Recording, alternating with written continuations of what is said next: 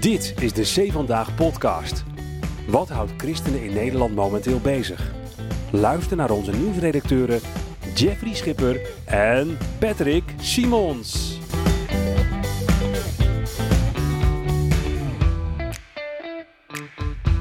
Een politieke vulkaanuitbarsting, een ideologische aardbeving. Wilders is groot, ook in de Bijbelbelt. We gaan een dag later doorpraten over eh, de politiek in deze C Vandaag podcast. En natuurlijk mag Patrick Simons niet ontbreken. Hè Pat? Hey, goedemiddag. Sowieso te lang eh, weg geweest in de podcast. Is dat zo? Ik heb het idee dat ik vast nog geweest ben. Ja, de afgelopen weken hebben we Bart-Jan Spruit gehad, Jan Hoek en ik vergeet er nog eentje. Oh ja, Jo- Jos Twengelt en eh, Kees van Velzen. Prachtig vol programma voor mij. Precies, zo frame je het dan weer. Ja. Ja, nou mooi. En eh, we hebben heel wat te bespreken, Pet. Nou, Het land staat op zijn kop. ja. Hoe eh, beleef jij het deze dagen? Ik heb het enorm naar mijn zin. Ja? Ja, ja want je bent een rechtse rakker, hè? voor ik ben een rechtse rakker, ja. Mm, ja, mm, ja. mm, Dus mm. ik eh, vind het helemaal niet erg dat PVV de grootste is geworden. En ik geniet van alle zure linkse tranen. Ja, ja, want die zie je op Twitter voorbij komen. Ja, op Aan de lopende band. Ja. Op X tegenwoordig, ja. Ja. Ja, en ook niet alleen op Twitter hoor. Ik, ik, ik liep hier net eh, vanaf het treinstation naar kantoor in Utrecht. Eh, en het leek wel alsof, alsof de burgemeester dood was. Echt een hele Ja, het. bedomde stemming. Mhm, Ik herken het, ja. En Ja. ik liep met een glimlach van oor tot oor over straat. Dus ik denk, straks valt niemand me nog aan, maar het viel mee. ja, we gaan het niet alleen maar over politiek hebben. Ik wil ook nog eventjes over eh kanselruil hebben. Een incident in Apeldoorn. Eenheid Ja. is daar eh, onder druk gezet Ja. door een kerkelijke commissie. En eh, ja, jij hebt ook nog een behoorlijk opvallend eh, incident eh, dat je gaat bespreken. Ja, Een geweldsincident. geweld tegen christenen, tegen een christen in, In- Nederland. Precies, dat is heel belangrijk. Gaan we straks ook over hebben. Maar eerst de ergernis van de week.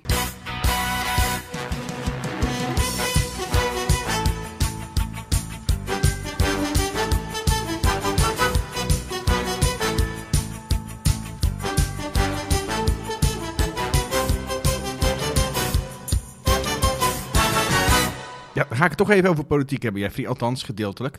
Ik heb me deze week namelijk ontzettend lopen ergeren aan dominees met stemadviezen.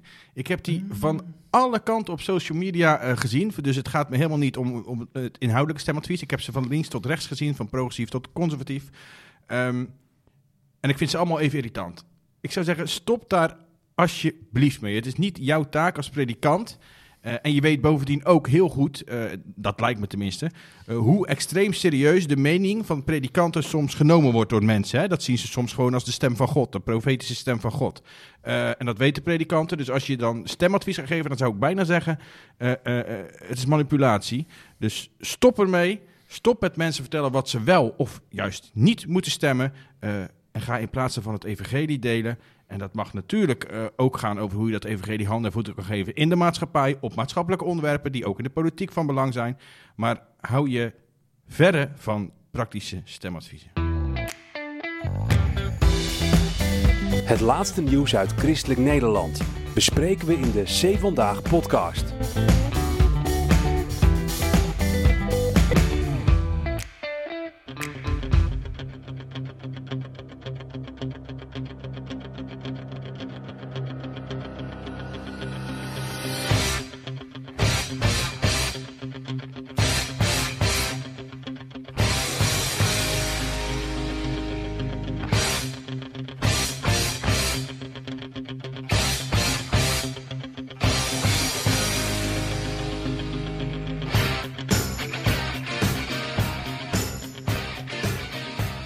Dit was het lied Eye of the Tiger, Jeffrey. Ons zeker niet onbekend, want dat wordt ook regelmatig in de voetbalstadions gedraaid. Maar het is ook eh, eh, eh, een van de lijfliederen van Geert Wilders. En Geert Wilders is degene die dus een enorme monsterwinst heeft gehaald eh, bij de verkiezingen. 37 zetels, dat is echt gigantisch. Ik weet niet hoe lang het geleden is dat een partij zoveel zetels haalde. Weet jij dat uit je hoofd? Nee, dat weet ik echt niet. Echt, Nee. maar in ieder geval lang geleden. Mm. Ehm, en ik vind, we gaan zo meteen natuurlijk inzoomen op de christelijke partijen, dat is meer onze taak. Maar ik wil eigenlijk eerst toch iets algemeens zeggen. Ik vind namelijk dat eh, zo'n monsterwinst eh, ons iets, iets zou moeten zeggen. En vooral eh, de gevestigde partijen iets zou moeten zeggen. Ik zag de heren politici namelijk alweer eh, direct in de kramp schieten. En ik zag eh, eh, onder andere Timmermans en Klaver en Rob Jette eh, toespraken geven waarin ze deden alsof morgenochtend of hedenochtend, deze ochtend dus, de Gestapo al bij de eh, eh, eh, mede, eh, gekleurde medemens in Nederland aan de deur zou staan om ze de grens over te zetten. En alsof vannacht de sloopmachines al gemobiliseerd zouden gaan worden om elke moskee te gaan slopen in Nederland. Nou, dat is natuurlijk totale onzin. Weet, weet je wat het grote probleem is? Het grote probleem eh, eh, eh, waarom de PVV nu zo groot is geworden, dat is omdat de andere partijen niet naar de kiezers geluisterd hebben. Het is Dylan ook, Dylan van de VVD. Dan heeft ze goed naar mij geluisterd. Wat is nou het geval? De politiek zat te sparren over miljarden uitgaven om heel misschien een klein beetje klimaatverandering tegen te kunnen houden. Terwijl in Nederland honderdduizenden kiezers amper geld hebben om hun kinderen eten te geven. De politiek buitelde over elkaar heen om zich met buitenlandse oorlogen te bemoeien. Terwijl tienduizenden kiezers in Nederland dagelijks last hebben van de onbegrensde migratie. Sommige Ja. politici stonden eh, op een klimaatdemonstratie tussen eh, eh, de vlaggen, de Palestina-vlaggen en de antisemitische leuzen vlogen ze om de oren.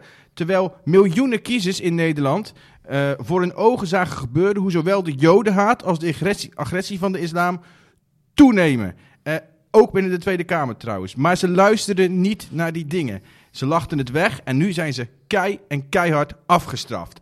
En wat doet Timmermans vervolgens? Die zegt niet, als hij erachter komt hè, dat hij is afgestraft, die zegt niet... Oei, misschien hebben we iets verkeerds gedaan. Misschien hadden we eh, beter moeten luisteren naar de kiezer. Hadden we het iets anders aan moeten pakken. Nee, wat zegt Timmermans? Luister maar. Hou elkaar nou even vast. Wij laten in Nederland niemand los. We laten niemand los, Jeffrey. Het is, hij heeft miljoenen kiezers losgelaten. Of eh, om eh, een twitteraar te, te citeren, Alex van Herk heet de beste man. Eh, en ik citeer dus. Beste GroenLinks, PvdA en D66. Afgelopen weken waren de straten op straffeloze wijze gevuld met haat. Vlaggen van Hamas gingen de hoogte in, terwijl er werd opgeroepen tot een intifada en de vernietiging van de Joodse staat. Jullie keken weg, maar de kiezer niet. Er werd door jullie gelachen om een man uit Budel bij Khalid en Sophie in een talkshow, terwijl de kiezer die man juist heel goed begreep. Jullie laten de Joodse gemeenschap aan hun lot over en jullie hebben de problemen en de angst van de kiezer afgedaan als dom rechts gejank. Stop met het beschuldigen van de VVD voor de winst van de PVV. Jullie hebben niet verloren van de PVV, jullie zijn de kiezer verloren. Einde citaat. En in mijn eigen woorden, jullie hebben de kiezer losgelaten. Nog één fragmentje dan eh, over Timmermans, want ik, ik kon er echt niet over uit. Luister maar. En als je in de komende dagen in de buurt, op school, op het werk mensen tegenkomt die na vanavond denken: hoor ik hier nog wel? Dan zeg je heel duidelijk: ja. Ja. Nou, dat hoeft verder, heeft verder geen uitleg nodig, Jeffrey. Als je, als je zo'n toespraak gaat houden, als je zo je toespraak begint, eh, terwijl je net zo hard bent afgestraft, dan ben je echt alle realiteit en de volledige werkelijkheid uit het oog verloren. En dan laat je ook zien dat je het nog steeds niet begrijpt, hè, na zo'n afstraffing. Ehm, ik heb bijvoorbeeld, vond ik ook zo opvallend, ik heb de, alle duiders bij de NOS bijvoorbeeld niet gehoord over 7 oktober. Voor ons natuurlijk een, een belangrijke datum. Dat is de datum waarop Hamas eh, eh, Israël binnenviel en de oorlog is gestart. Eh, denk jij dat, die, dat dat invloed heeft gehad op de verkiezingen? Dat denk ik echt, ja. Ik werd ook deze week aan het denken gezet door Joal Boertjens, voorganger van Mozaïek in eh, Amsterdam. En eh, hij had het er ook over, eh, nog voordat de verkiezingen, dus voordat de stembussen geopend werden deze week, schreef hij: Ik ben er nog steeds niet uit wat te stemmen, wat ingewikkeld. Wat sowieso voor mij een grote rol speelt, de volle straten in steden in Nederland, waarin massaal gescandeerd wordt dat Israël van de kaart moet worden geveegd en de immense jodenhaat in Nederland. Nou, ik denk, Boertjes is echt niet de enige Ja. die dit ziet, hè? Nee.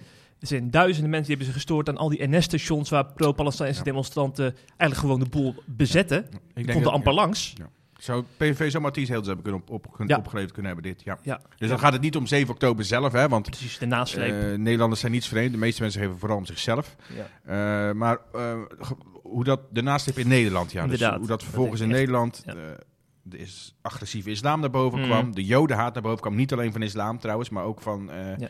eh, de hoogopgeleide witte elite. Op de universiteiten en dergelijke. En weet je wat ik zo veelzeggend vond? Dat was het. We kijken allebei vandaag in site. Ja. Met Johan Derksen als een van de mannen. En die ging dan in gesprek met Wilders, hè, of in discussie met Wilders over Ja. Israël. Ja, genoten. En volgens mij is dat het prangende punt. Hè? Het, het standpunt van Derksen tegenover Wilders. Wilders was heel radicaal en fel. En eh, ik heb heel veel politici, ook van seculiere huizen, en dat niet na horen zeggen. Gewoon echt keihard opstaan tegen die opkomst van jodenhaat en tegen hoe Israël wordt bejegend. En tegen islamitische terreur. Precies. Ja, want dat, Ja, is dat het, benoemen Daar- inderdaad. Daar komt, precies, dat, Ja. vooral dat benoemen.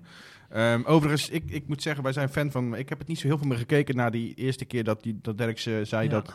Hij zei voor mij twee dagen na de aanslag dat de Joden er wel een beetje om gevraagd hadden.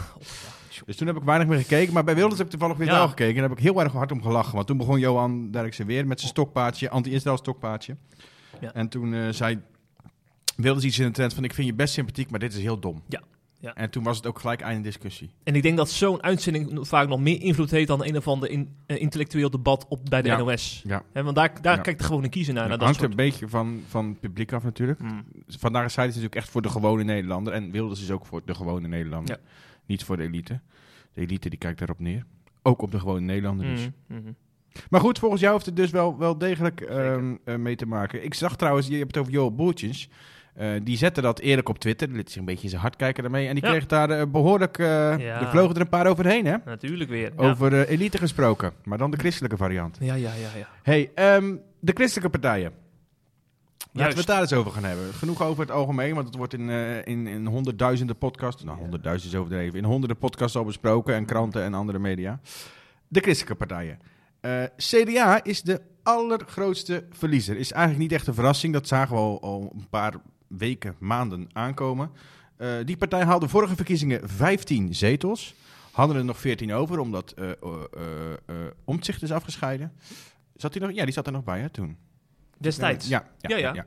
Ehm, en nu hadden ze nog maar vijf zetels. Ehm, ik denk persoonlijk dat ze worden afgerekend op kabinetsdeelname.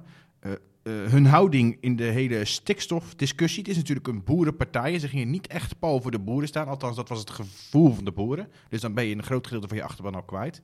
Ehm, en natuurlijk op het gedoe met eh omzicht. Ja. Dat is natuurlijk ook ontstaan de afgelopen jaren. En eh, ik denk dat, ze daar, eh, dat dat diepe wond heeft geslagen in het CDA.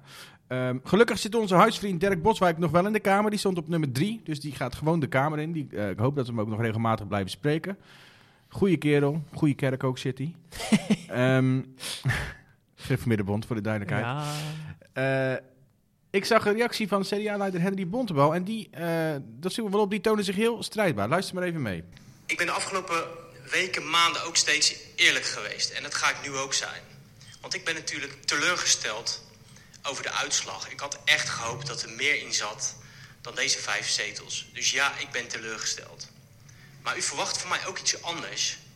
En dat is dat ik de moed niet opgeef. En als ik één ding niet ga doen, dat is de moed opgeven. Nou, die toont zich dus behoorlijk strijdbaar, Jeff.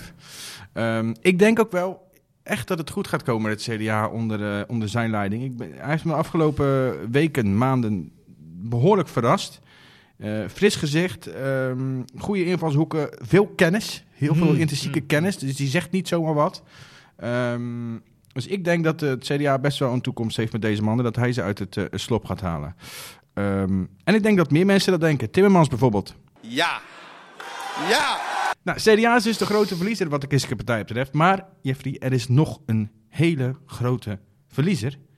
En dat is de ChristenUnie. En ik denk dat we dat minder zagen aankomen. In ieder geval CDA, dat zag ik wel maanden aankomen. CU wist ik wel, had ik wel verwacht dat ze misschien een zetel zouden verliezen... of net stabiel zouden blijven, maar... Twee zetels verliezen en bijna gehalveerd dus. De, de, de, de partij van Mirjam Bikker gaat van vijf zetels naar drie. Eh, en voor het eerst in de geschiedenis heeft men zelfs minder stemmen gehaald dan de SGP. is echt heel Ja, bizar dat, hoor. dat, dat had niemand verwacht. En dat, Hmm. zegt, dat zegt vooral veel over. eh, dat zegt natuurlijk wel over de SGP, dat ga jij zo meteen nog vertellen. Maar dat zegt ook echt heel veel dat, dat CU ehm, heel veel mensen verloren is, heel veel stemmers verloren is. En de grote vraag is natuurlijk hoe dat komt. Nou, laten we eerst even naar een eh, reactie van Bikker luisteren ehm, tegenover de NOS. En die vroeg ook aan haar: eh, wat is er nou misgegaan? Nou, wat, wij, eh, wat ik al bij het begin van mijn aantreden heb gezien, is dat heel veel mensen ook wel een groot ongenoeg hebben over wat er misgaat in Den Haag. Eh, problemen aan de keukentafel die te lang zijn blijven liggen. En ik heb gezegd, we moeten weer gaan luisteren en we zullen moeten leveren. Nou, ook Bikker zegt dus, we, hadden net in het begin erover eh, eh, dat ik zei er is te weinig naar de kiezer geluisterd. En jij zei, Jezielgus zei het ook, maar ook Bikker zegt dat dus. Hè? Eigenlijk zegt het hele kabinet dat dus. ik zou bijna zeggen, had dat iets eerder bedacht. Ehm, overigens denk ik persoonlijk dat er wel wat meer speelt dan dat hoor, als het gaat om het verlies van de ChristenUnie. Eh, als ik bijvoorbeeld naar mijn eigen omgeving kijk, voor zover die representatief is natuurlijk. Ehm, ik heb best veel christenen, of had best veel christenen in mijn omgeving, die eh, jarenlang eh, een trouwe CU-stemmer waren. En die zijn de laatste jaren steeds meer vervreemd geraakt van die partij. Dus dat komt niet alleen doordat er niet geluisterd wordt. Die zijn gewoon langzaam maar zeker, dat is een proces geweest van, van een paar jaar, steeds meer vervreemd geraakt van die partij. En daarbij ehm, hoor ik eigenlijk vaak twee redenen. Eh, het eerste is ehm, dat veel mensen het gevoel hebben dat de CU eh, een steeds linksere koers gaat varen, waarbij er vooral heel veel aandacht is eh, voor asiel, migratie en klimaat. Ehm, wellicht hebben ze daar zichzelf te veel op geprofileerd en dat, dat stoort mensen dus schijnbaar. Ehm, de jongerenbeweging hoor je bijvoorbeeld over niets anders meer. Die gaan eh, in, tentjes in Ter Apel slapen om aandacht te vragen voor asielzoekers. En eh, die lopen tijdens een zondagse klimaatmars, in plaats van in de kerk te zitten, lopen ze gezellig mee ehm, eh, met antisemieten. Hè, waar Timmermans ook een meeliep, wat ik net zei. Ehm, en ik heb het idee dat veel traditionele CU-kiezers, met name op traditionele, dus misschien ook wel de wat ouderen, dat die daar een beetje klaar mee zijn. Dat is één. Het tweede is, ehm, wat ik ook merk, is dat veel mensen, veel eh, vroegere CU-kiezers, de angst en het gevoel hebben dat CU eh, eigenlijk steeds ruimer en progressiever wordt ehm, op klassiek christelijke thema's. Dus we zien al dat ze zijn geschoven op het gebied van homoseksualiteit bijvoorbeeld. Hè. Er zit een praktiserende homoseksueel in de Eerste Kamer. Ehm heb ik verder niet echt een mening over. Ja, dat heb ik wel. Ik vind het helemaal niet erg zelf zelfs. Maar ik denk dat de wat conservatievere eh, oudere CU-stemmer daar wel moeite mee heeft. En we zien ook langzaam maar zeker her en der, heel voorzichtig wel hoor, dat ook op, bijvoorbeeld op medisch-ethisch gebied er eh, eh, wat geschoven gaat worden. Ehm, en ik zag bijvoorbeeld ook kandidaten van de CU op de gemakje op zondag campagne voeren en folderen in, in steden en dorpen. Ehm heb ik niet zoveel problemen mee. Ik bedoel, waar het wel eens eerder over gehad, ik, ik ga ook gewoon naar de voetbal op zondag. Ehm, maar ik denk wel dat er traditionele kiezers van een CU zijn die daardoor eh, afhaken, omdat ze vinden dat de partij eh, minder principieel christelijk is. Het zijn tekenen aan de wand die je hier dan schrijft. Is dat even een uitdrukking? Mhm. Maak jij even een statement? ik val gewoon stil. ja, ja, ik zie het aan je. Ja. Goed.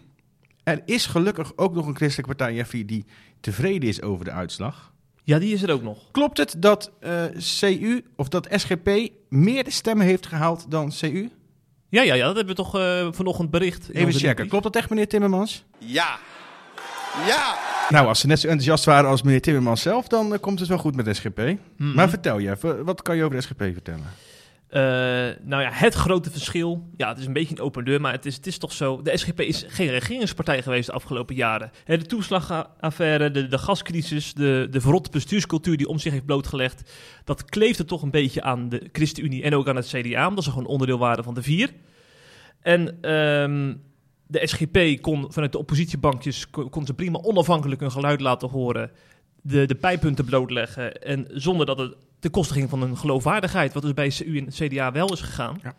En ik vind, soms vind ik het ook wel een beetje makkelijk hè, hoe SGP'ers over praten. Want ja, eh, verantwoordelijkheid nemen. da- daarmee kun je juist ook heel veel dingen voor je partij bereiken. Hè, zoals, CU en SG eh, van, eh, zoals CDA en eh, CU hebben gedaan. Ja, zagen we gisteren. Ja, dat wordt meestal niet beloond door de kiezer. Dat is een probleem. Ja, als je Maar- het goed doet wel hoor. Ja, ja, ja, moet je goed uitleggen. Wat Segers trouwens wel deed, hè? Segers, die kan het goed uitleggen. Ik denk dat ze Segers heel hard missen. Overigens niks te nadelen van Bikker, want ik vind Bikker een heel... eh, eh, Goeie debate eh, trouwens, hoor. ja, maar ook heel inhoudelijk. Ja, ik, ik klopt. vind, maar ik, Klopt. ja, het is gewoon niet zo... ik denk dat Segers wel wat meer charismatisch is. Ja, ja.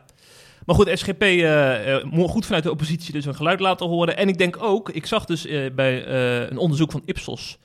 naar aanleiding van de verkiezingsuitslag... dat 12% van de stemmen op de SGP in 2021 nog op de ChristenUnie stemden. Is Dus- dat niet nou precies die groep die ik net bij ja, dat tweede dat is punt dus- dat- inderdaad. Dat is Die- precies die groep die jij omschreef, denk Die, ik. die dus gewoon eh, Ja. SGP of CU niet meer principieel christelijk genoeg Ja, vinden. ja, Want dat is, kijk, ik vind het te makkelijk. Ehm, jij, jij zegt nu, het, eh, SGP heeft het voordeel dat ze niet geregeerd hebben, maar ik denk dat dat niet het enige is. Ik Mm. Nee. denk echt dat het ook komt omdat ze zo eh, principieel zijn, Mhm. op, bepaal- of je het er nou mee eens bent of niet. Je weet wat je aan SGP hebt, altijd. Ja. Ze hebben Ja. altijd dezelfde standpunten, ze, die, al 100 jaar. Ehm sommige zijn echt, echt van 100 jaar geleden. Maar, Mhm. eh, en ze blijven ook altijd dezelfde focus houden. Ja, ja. En het, het feit dat Christophe bij zo'n abortuskliniek gaat staan om, eh, be- om bewakers zeg maar, te bemoedigen en, eh Ja. en flyers daar, daar te gaan staan, wordt gewaardeerd door die groep. Want dat laat ze tenminste in principe zien. Ik had, Anderen zijn dat, bang. ik had trouwens het idee dat de rest van Nederland dat erger vond dan dat er antisemitische leus werden geschreeuwd op de Dam. hè? Bizar was dat, hè? Ja, ja. En ik denk genoeg. ook wat meespeelt, maar dat is meer een beetje gevoel, kan ik niet eh, staven. Maar dat zo'n Christoffer en zo van de Staaij, dat zijn hele gedegen, betrouwbare politici met ook heel veel kennis. Die ook niet eh, buigen voor, eh, als er een keer tegenwind waait vanuit progressieve hoek. Die dan echt gewoon blijven staan met hun christelijke principes, dat het ook heel erg gewaardeerd wordt. Dus Ja. gewoon betrouwbare politici die daar de, de kar trekken. Ja. En wat ook, misschien nog... Wat? Sorry. Dan gaan ze ook eh, heel veel, eh, daar blijven ze punten bij scoren bij Ja. potentiële SGP-kiezers, denk ik. Ja. En ik denk dat er ook heel veel mensen zijn die gewoon no matter what SGP stemmen. Ik heb ze in mijn eigen omgeving, die, die zijn helemaal niet politiek geïnteresseerd, maar ik ben eh, christelijk, dus ik stem SGP. Ja, ja. Dat. Dat is, die Revo-zeil, dat, dat Ja. is de enige zeil die nog bestaat, Ja, zeg maar. Ja, dat is natuurlijk goud voor SGP. Ja, Ja. dat is heerlijk. Ja, joh. Zeg maar, eh, ik, eh, voorlopig even geen politiek. We hebben de afgelopen jaar, maanden veel over politiek gesproken en geschreven. Ja. Is het dat gewone zo? nieuws gaat toch ook wel gewoon lekker zijn gang? Dat, dat, dat hebben we toch gedaan als C vandaag. We hebben een heel dossier opgebouwd met artikelen van christenen die op een niet-christelijke partij stemmen. Ja. Onze collega Silvan heeft dat gedaan. Ja, goe- goede serie was dat Prachtige, trouwens. prachtige serie, ja. Ja. Van genoten. Ja. En we hebben natuurlijk de lijsttrekkers geïnterviewd, uitgebreid. Ja, jij hebt Bontebal gesproken. Ja. Leuk Leuke dat dat gelukt is trouwens. Leuke man. Ja, tuurlijk, mij lukt alles. nee, nee, nee, dat heeft best wel veel moeite. Dan ga ik heel stoer doen. Het heeft best wel veel moeite gekost. Ja. Eh, ik denk dat ik ongeveer zes verschillende woordvoerders heb gesproken die me elke keer doorverwezen. Maar uiteindelijk Mm. lukte het en Ja, heb ik hem nou, gesproken. mooi toch? En eh, was hij best wel open. Ik heb een leuk gesprek. Slimme, nogmaals, wat ik net al zei, het is echt een, Mm. een eh, slimme man met heel veel kennis, heel veel dossierkennis over bepaalde onderwerpen, over klimaat bijvoorbeeld, heel veel. Ehm, en ook een gelovig man. En een man met humor ook niet onbelangrijk, hè? Ja. Ja. Vinden we leuk. Ja, ik vind hem ook leuk. Ja. ja. Hey, ehm, wat minder leuk is, is wat er eh, deze zomer in Den Haag gebeurd is. Dat is echt bizar nieuws. Ik had niet verwacht dat ik dat ehm, in ieder geval op korte termijn zou gaan meemaken in Nederland. Eh, daar is namelijk een 71-jarige man door moslims bewusteloos geslagen omdat hij christen is. En het ergste is misschien nog wel dat het een man betreft die 26 jaar geleden uit Irak gevlucht is, weggevlucht is, vanwege datzelfde islamitische geweld. En hij dacht dus in Nederland veilig te zijn, is hij ook heel lang geweest, tot eh, eh, een fatale zaterdag in eh, augustus. Of fataal is niet waar, dat klinkt alsof hij dood is, dat is niet het geval. Wat, we, wat gebeurde er? Hij stapte in een tram, in Den Haag dus, Ehm, en hij vroeg aan twee jongens met een Arabisch uiterlijk en een Syrisch accent of hij mocht zitten. Nou, die jongens maakten plaats, geen probleem. Ehm, maar al snel ontstond er een, in het Arabisch een steeds heftig wordende discussie. En waar ging die discussie over? Die ging over het feit dat de man een kettingje met een kruisje om zijn nek droeg. Eh, de jonge mannen maakten, vertelt die man nu hè, achteraf, eh, eh, hun afkeer duidelijk over het christelijk geloof. Daar moesten ze niks van hebben. En ze begonnen op, de, op een gegeven moment hem ook te bedreigen. Dat is allemaal op camerabeelden te zien. Je kan het ook terugkijken. Ik heb er een artikel over geschreven. In het artikel staat een linkje. Eh, je moet wel tegen heftige beelden kunnen, want het is best wel heftig. Uiteindelijk lijkt de discussie een beetje eh, eh, eh, ehm, eh, te stoppen. En gaan die twee jonge mannen de tram uit. Maar ze stappen eigenlijk direct weer terug de tram in. En vervolgens, een van die jongens die geeft die 71-jarige man een duw. En die ander slaat hem twee keer hard met zijn vuist in het gezicht. De man raakt daarop bewusteloos. Eh, en later eh, bleek in het ziekenhuis dat hij zowel zijn kaak als zijn eh, oogkas heeft gebroken. Er is hij aan geopereerd, maar het is nog steeds niet helemaal goed. Er zijn complicaties opgetreden. Hij moet nogmaals geopereerd worden. En de kans is heel groot dat hij blijvend letsel overhoudt aan deze klappen.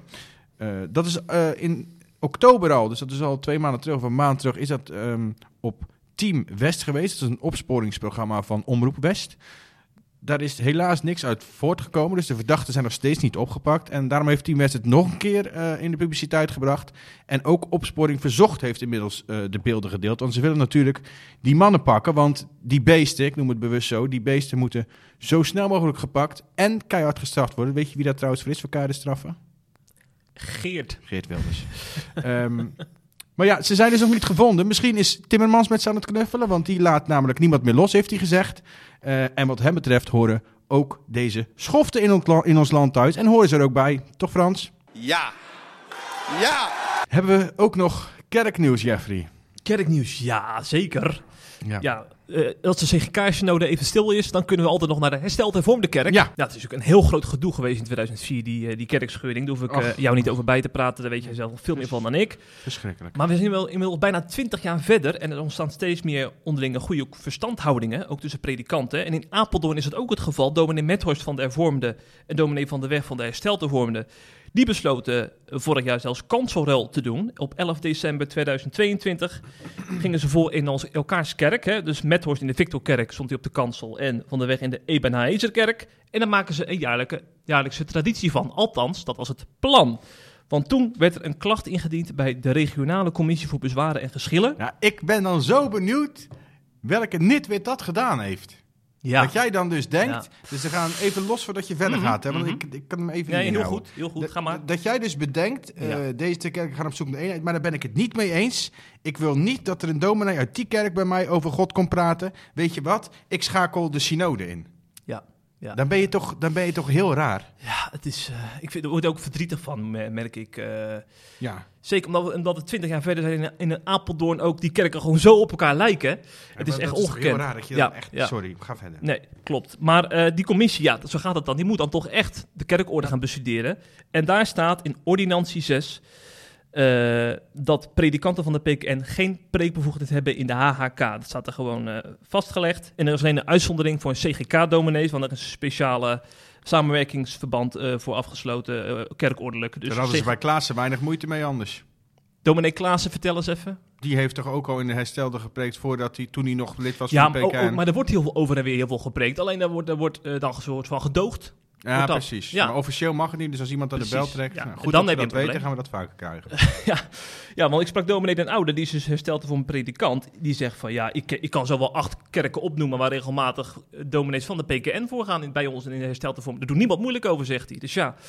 Maar goed, nu werd er dus een klacht ingediend en eh, eh, dus het, het kan niet meer. En uh, herstelde vormt Apeldoorn en hervormt Apeldoorn, die hebben ook dat natuurlijk moeten communiceren dan weer naar een achterban van, ja, het gaat niet door, kanselruil de- dit jaar in december. Onrust, onrust natuurlijk. Ja, werd natuurlijk ook weer gelekt naar C vandaag. Dus Ja. wij hebben er ook een bericht over geschreven. We vonden het gewoon echt belangrijk om dit te melden, want het is eh, gewoon kerknieuws. Ja, je hoeft je niet te vermelden. Je hoeft je niet te verantwoorden hoor. Gelukkig, je snapt het helemaal.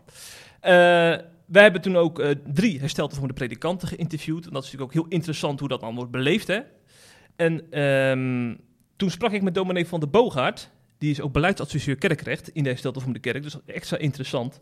En die snapt het kerkordelijk helemaal. Eh, maar hij verwees ook, vond ik wel leuk, naar eh, nog een andere ordinantie in de kerkorde.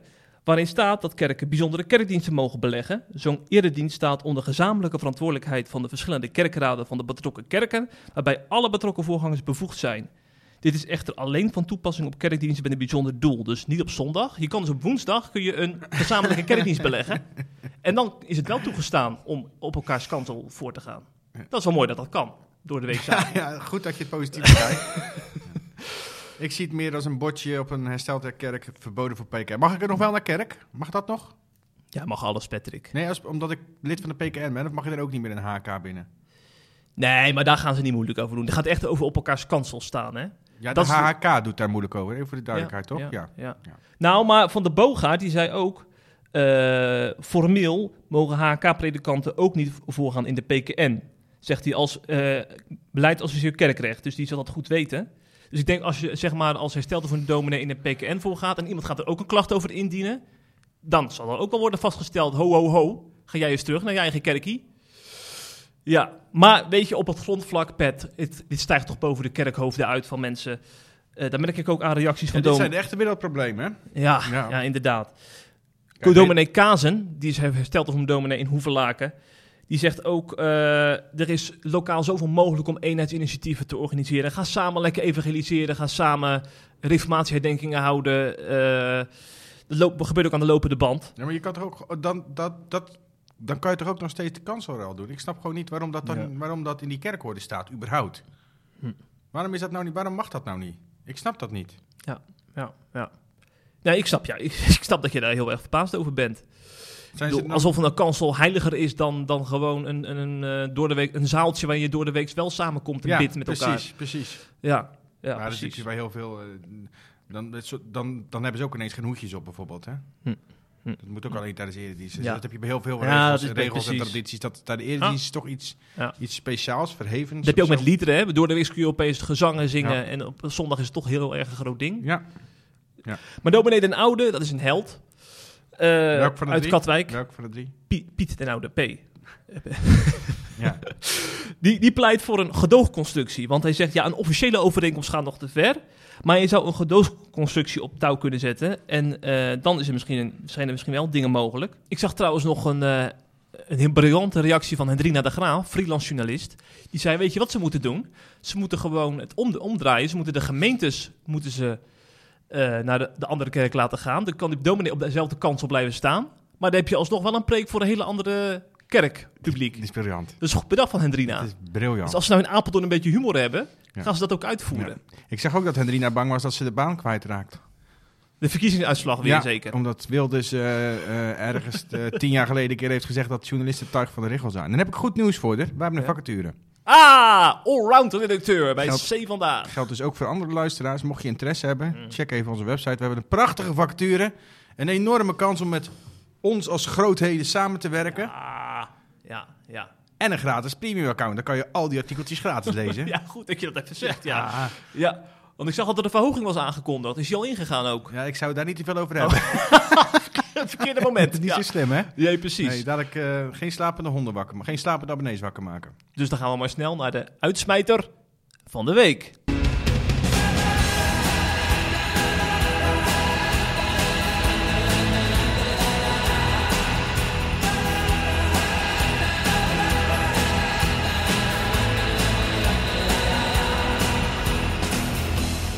Wat natuurlijk veel belangrijker is dan kansonruil en dan stemmen op bepaalde partijen.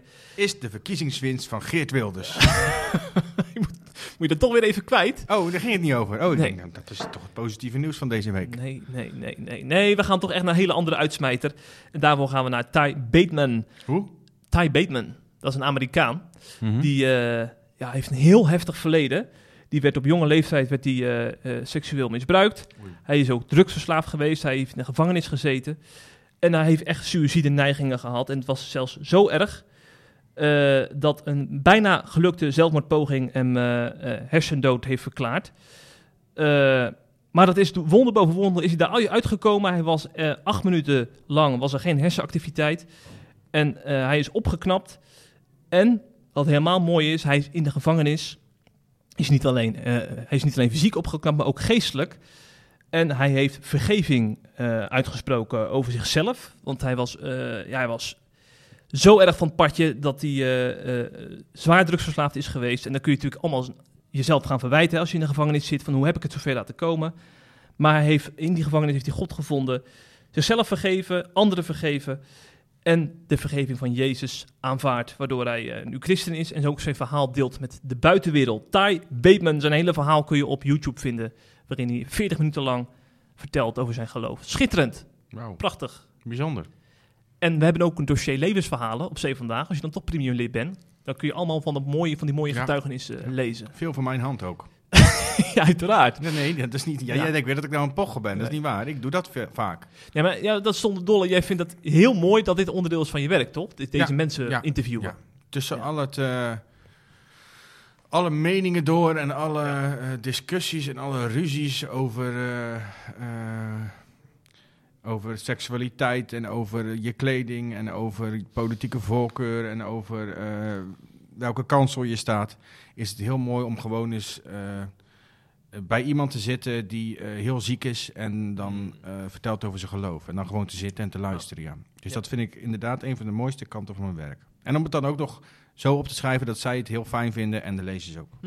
Super. Dus ja. dat blijven we ook doen. Ja. En misschien zijn die verhalen ook wel op te duikelen. Op Urk. Op te duikelen.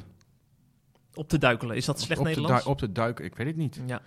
Ik zou niet gaan duiken in Urk in deze tijd van het jaar. Het is veel te Nee, koud. dat, dat moet hij sowieso niet gaan doen. Daar is ook PVV de... Oh nee, dat is SGP de grootste. ja. Jammer. Ja. Ja. Want waarom begin je nou ineens over Urk? Nou, de, de podcast van volgende week wordt daar gemaakt. Dus we zijn ons al aan- mentaal aan het voorbereiden, toch? Op een dagje Ja, Urk. wij gaan weer een dagje naar Urk, ja. Ik Ja. heb er nu al zin in. Dat wordt hartstikke leuk. Het heeft bloed, zweet en tranen gekost om de juiste afspraken te maken. Maar jij maakt je er altijd makkelijk vanaf. Jij gaat lekker bij domineetjes op bezoek. Ja, en die willen altijd wel meewerken. Zeker. En ik moet altijd op zoek naar getuigenissen. En uh, Urkers zijn over het algemeen een beetje wantrouwend. Ja. Ehm, dus het is best moeilijk. Maar ik heb, eh, ik heb ze weer gevonden. Ik ga onder meer op, zoek bij, op bezoek bij een evangelische kerk. Dan spreek ik met de koster en een oudste van die kerk. Eh, en die kerk is in volgens mij vijf jaar tijd vervierdubbeld qua eh, eh, leden. Dus dat is een mooi verhaal lijkt me. Zeker weten. En ik ga nog een getuigenisje opnemen inderdaad. Mooi, mooi. Al die verhalen lees je binnen enkele maanden Ja. op zee vandaag. Ja, wel achter de betaalmuur. Leuk. Mooi. En de podcast vanaf Urk dus. Ja, volgende Maar goed week. dat de luisteraars dan niet kunnen ruiken, want dan hebben we een visje op. Ja, ja, ja, ja, ja. We gaan lekker een visje eten daar, nu al zin in.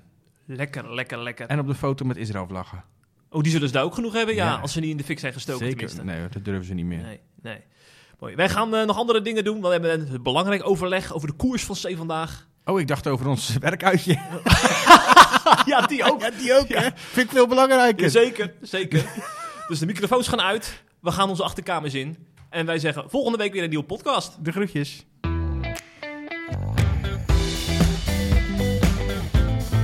Hopelijk heb je genoten van deze C Vandaag podcast. Volgende week is er weer een nieuwe aflevering. En blijf via cvandaag.nl op de hoogte van het laatste nieuws uit Christelijk Nederland.